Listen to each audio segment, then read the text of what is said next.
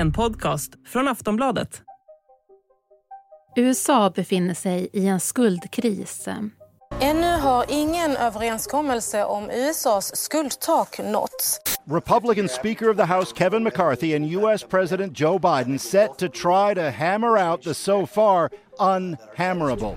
I thought the meeting was productive. Um, I thought it was more productive than the other meetings we've had, but we still have differences. USAs statsskuld ligger på drygt 31 000 miljarder dollar. Och det var i januari som landet nådde skuldtaket. Man har tagit till tillfälliga lösningar för att hantera situationen.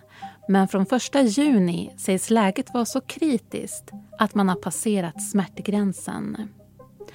Problemet är att man inte har lyckats få till en lösning. Demokraterna och Republikanerna kommer nämligen inte överens om hur man ska hantera situationen. Demokraterna vill höja skuldtaket. Republikanerna kommer med motkrav och hittills så har man inte lyckats med att mötas. Nu närmar vi oss första juni och frågan är Kommer USA att gå i konkurs?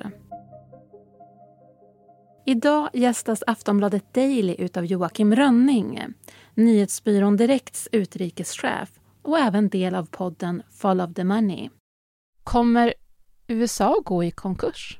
Det tror jag inte att de kommer göra. De kan gå i konkurs som alla andra ekonomiska entiteter. Men av alla ekonomiska entiteter så är väl den amerikanska staten den man sist av alla tror ska kunna gå i konkurs. Vad är det som är utmaningen? Politiken är utmaningen. Och då pratar vi alltså Kevin McCarthy som är Republikanernas talman i eh, representanthuset är det väl. Han då sitter i förhandlingar nu och har vänt sig mot eh, Biden-administrationens ehm, alltså Demokraternas då stora stödpaket som de har eh, kavlat ut för att stötta grön energi och frågor som i republikanska kretsar är kontroversiella då som till exempel att man ska skriva av en massa studielån för ja, för detta studenter, att man ska göra insatser inom Medicaid, alltså Medicare, deras eh, sjukvårdssystem och andra saker som i republikanska kretsar som sagt anses vara lite överstatliga och att man eh, förfördelar vissa med välfärdsutplaning då på ett sätt som inte faller konservativa politiker i smaken. Mm. Men det är ju då så då att det är lite kris när det kommer till pengar och det är så att Demokraterna vill höja skuldtaket, men Republikanerna kommer då med motkrav och det vill inte Demokraterna gå med på. Kan man tänka sig att man kommer att kunna mötas här? Ja, jag tror det. Det är alldeles för mycket som står på spel och de kommer nog komma överens utifrån det då att det är så otänkbart att de inte kommer göra det. Sen händer det här ganska ofta faktiskt. Det har hänt över hundra gånger under efterkrigstiden att man sitter med ett skuldtak som är nära att slå i och att man behöver höja och att det blir en tvist där är ganska vanligt liksom. För det handlar ju om att det oppositionella partiet då, i det här fallet Republikanerna, vill använda sin makt i den mån man har den då och nu har vi en splittrad kongress där Republikanerna sitter på representanthuset, Demokraterna sitter på Vita huset och genom Joe Biden president och så sitter man på senaten som, eh, med majoritet då.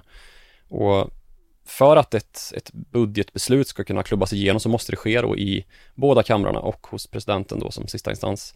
Och den ena kammaren, senaten, är ju naturligtvis på Joe Bidens linje men det är inte representanthuset då. Och då försöker man helt enkelt hitta en väg framåt då för att lite grann störa den andras politiska agenda. Och i det här fallet så är det Republikanerna som sätter sig upp mot Demokraterna då.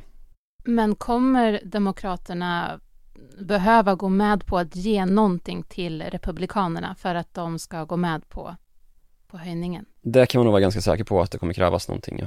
Mm. Och det är ju också den typen av diskussioner som, som förs och som eh, det pratas om då i presskonferenser efteråt, eller presskonferenser är det kanske inte fråga om, men när Kevin McCarthy och Joe Biden går ut ur ett möte så, så kastas ju frågor från journalister som står närvarande och då brukar den typen av kommentarer kastas då att ja, men vi närmar oss en lösning och då vet man att det, det är just jämkning som har skett då.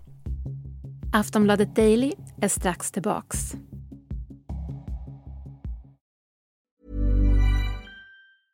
A lot can happen in three years, like a chatbot may be your new best friend. But what won't change? Needing health insurance. United Healthcare Tri Term Medical Plans, underwritten by Golden Rule Insurance Company, offer flexible, budget friendly coverage that lasts nearly three years in some states. Learn more at uh1.com.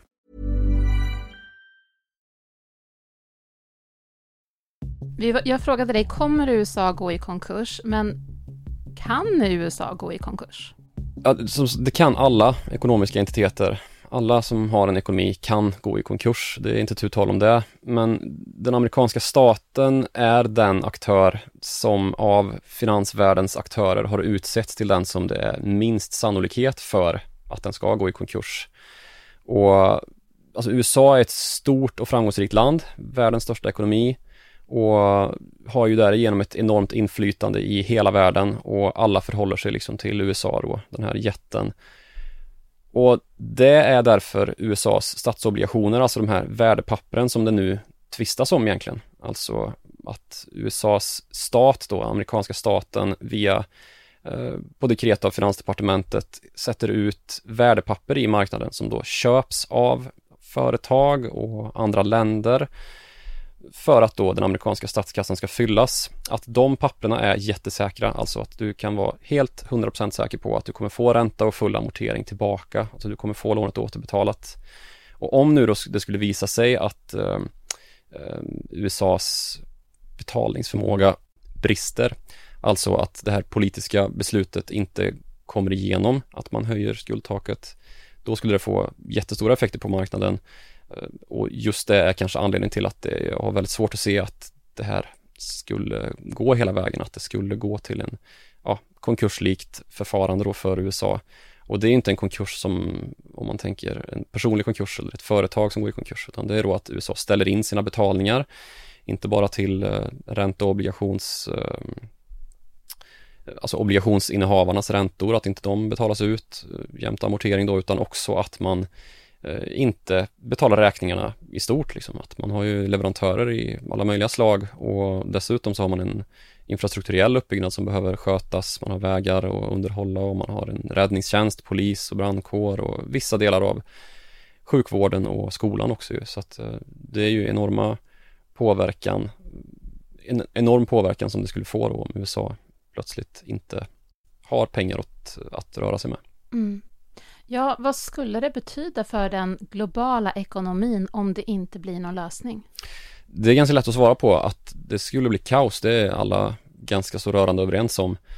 Eftersom att det skulle vara, ja, marknaden skulle få, få klart för sig då att man har haft helt fel om att USA är det här betalningsgilla, alltid och räkna med alternativet när det kommer till vart man ska deponera sina pengar. För det är ju det det handlar om egentligen när man köper en statsobligation. Man har pengar, man vill ha lite avkastning på dem. Man köper en eh, amerikansk statsobligation och så kan man räkna, det är nästan som att ha kontanter fast man också får en liten ränta. Det får man inte om man bara sitter på sedlar liksom. Och ingen eller väldigt få tror ens nu när det är bara några dagar kvar tills USA slår i det här skuldtaket att det faktiskt ska gå så långt. Och det ser vi på marknaden då att det är ganska så beskedliga rörelser i den amerikanska räntemarknaden för när du har köpt den här statsobligationen så kan du ju handla med den sinsemellan och då skapas en så kallad sekundärmarknad där den ränta sätts då som eh, de här obligationerna ska handlas för. Och om det är ett riskscenario då där man ser att nu är det fara och färde, då går räntan upp. Och den har gått upp, men inte så supermycket liksom som, som den skulle göra om det bryter ut det här kaoset.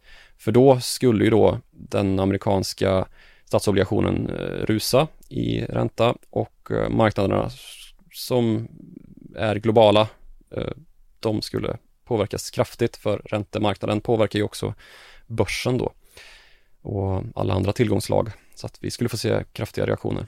Och då tänker vi, ja men vi här i Sverige då, eh, vad skulle det betyda för Sverige? Ja, vi är ju inte skyddade. vi är ju en del av den globala marknaden och vi skulle dras med som alla andra oro på våra marknader precis som i omvärlden skulle vi inte komma undan.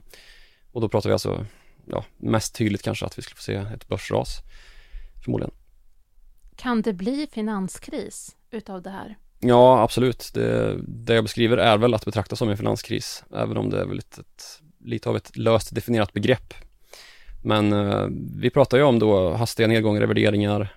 vi får se först då en räntemarknad som reagerar eh, negativt och liksom förskjuter pengar från riskkategorier som börsen till exempel.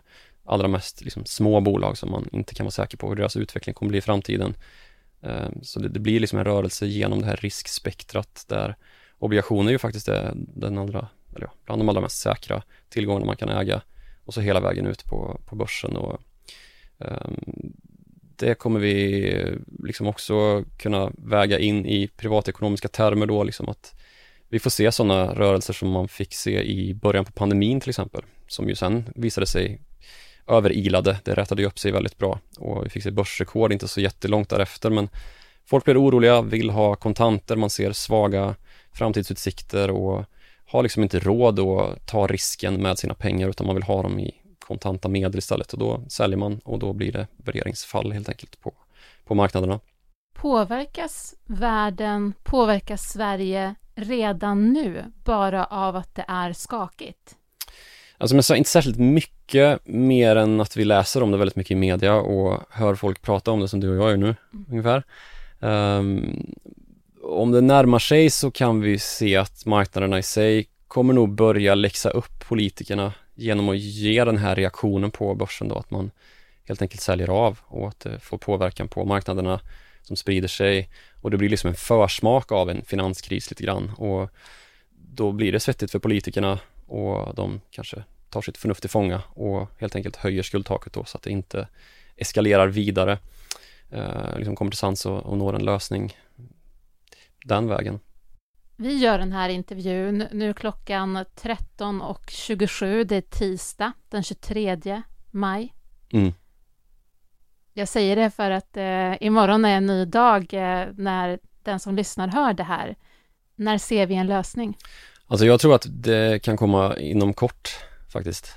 Uh, det brukar vara så när det kommer till sådana här skuldtakshöjningsdebatter att plötsligt är man bara överens och ju förr desto bättre egentligen. Och nu har man dragit ut på det ett tag ändå.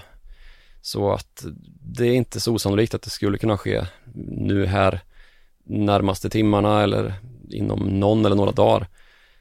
Och republikanske talmannen, republikanske talmannen Kevin McCarthy har ju dessutom sagt efter det senaste mötet då med Joe Biden att kanske på tisdag, så efter att vi har spelat in det här precis, så ja, man får hänga med helt enkelt.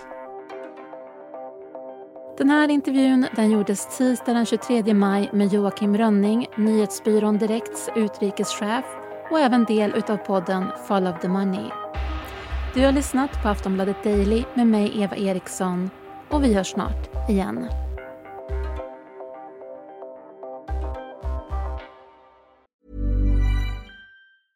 Normally, being a little extra might be a bit much, but not when it comes to healthcare. That's why United Healthcare's Health Protector Guard fixed indemnity insurance plans, underwritten by Golden Rule Insurance Company, supplement your primary plan so you manage out of pocket costs. Learn more at uh1.com. Du har lyssnat på en podcast från Aftonbladet. Ansvarig utgivare är Lena K Samuelsson.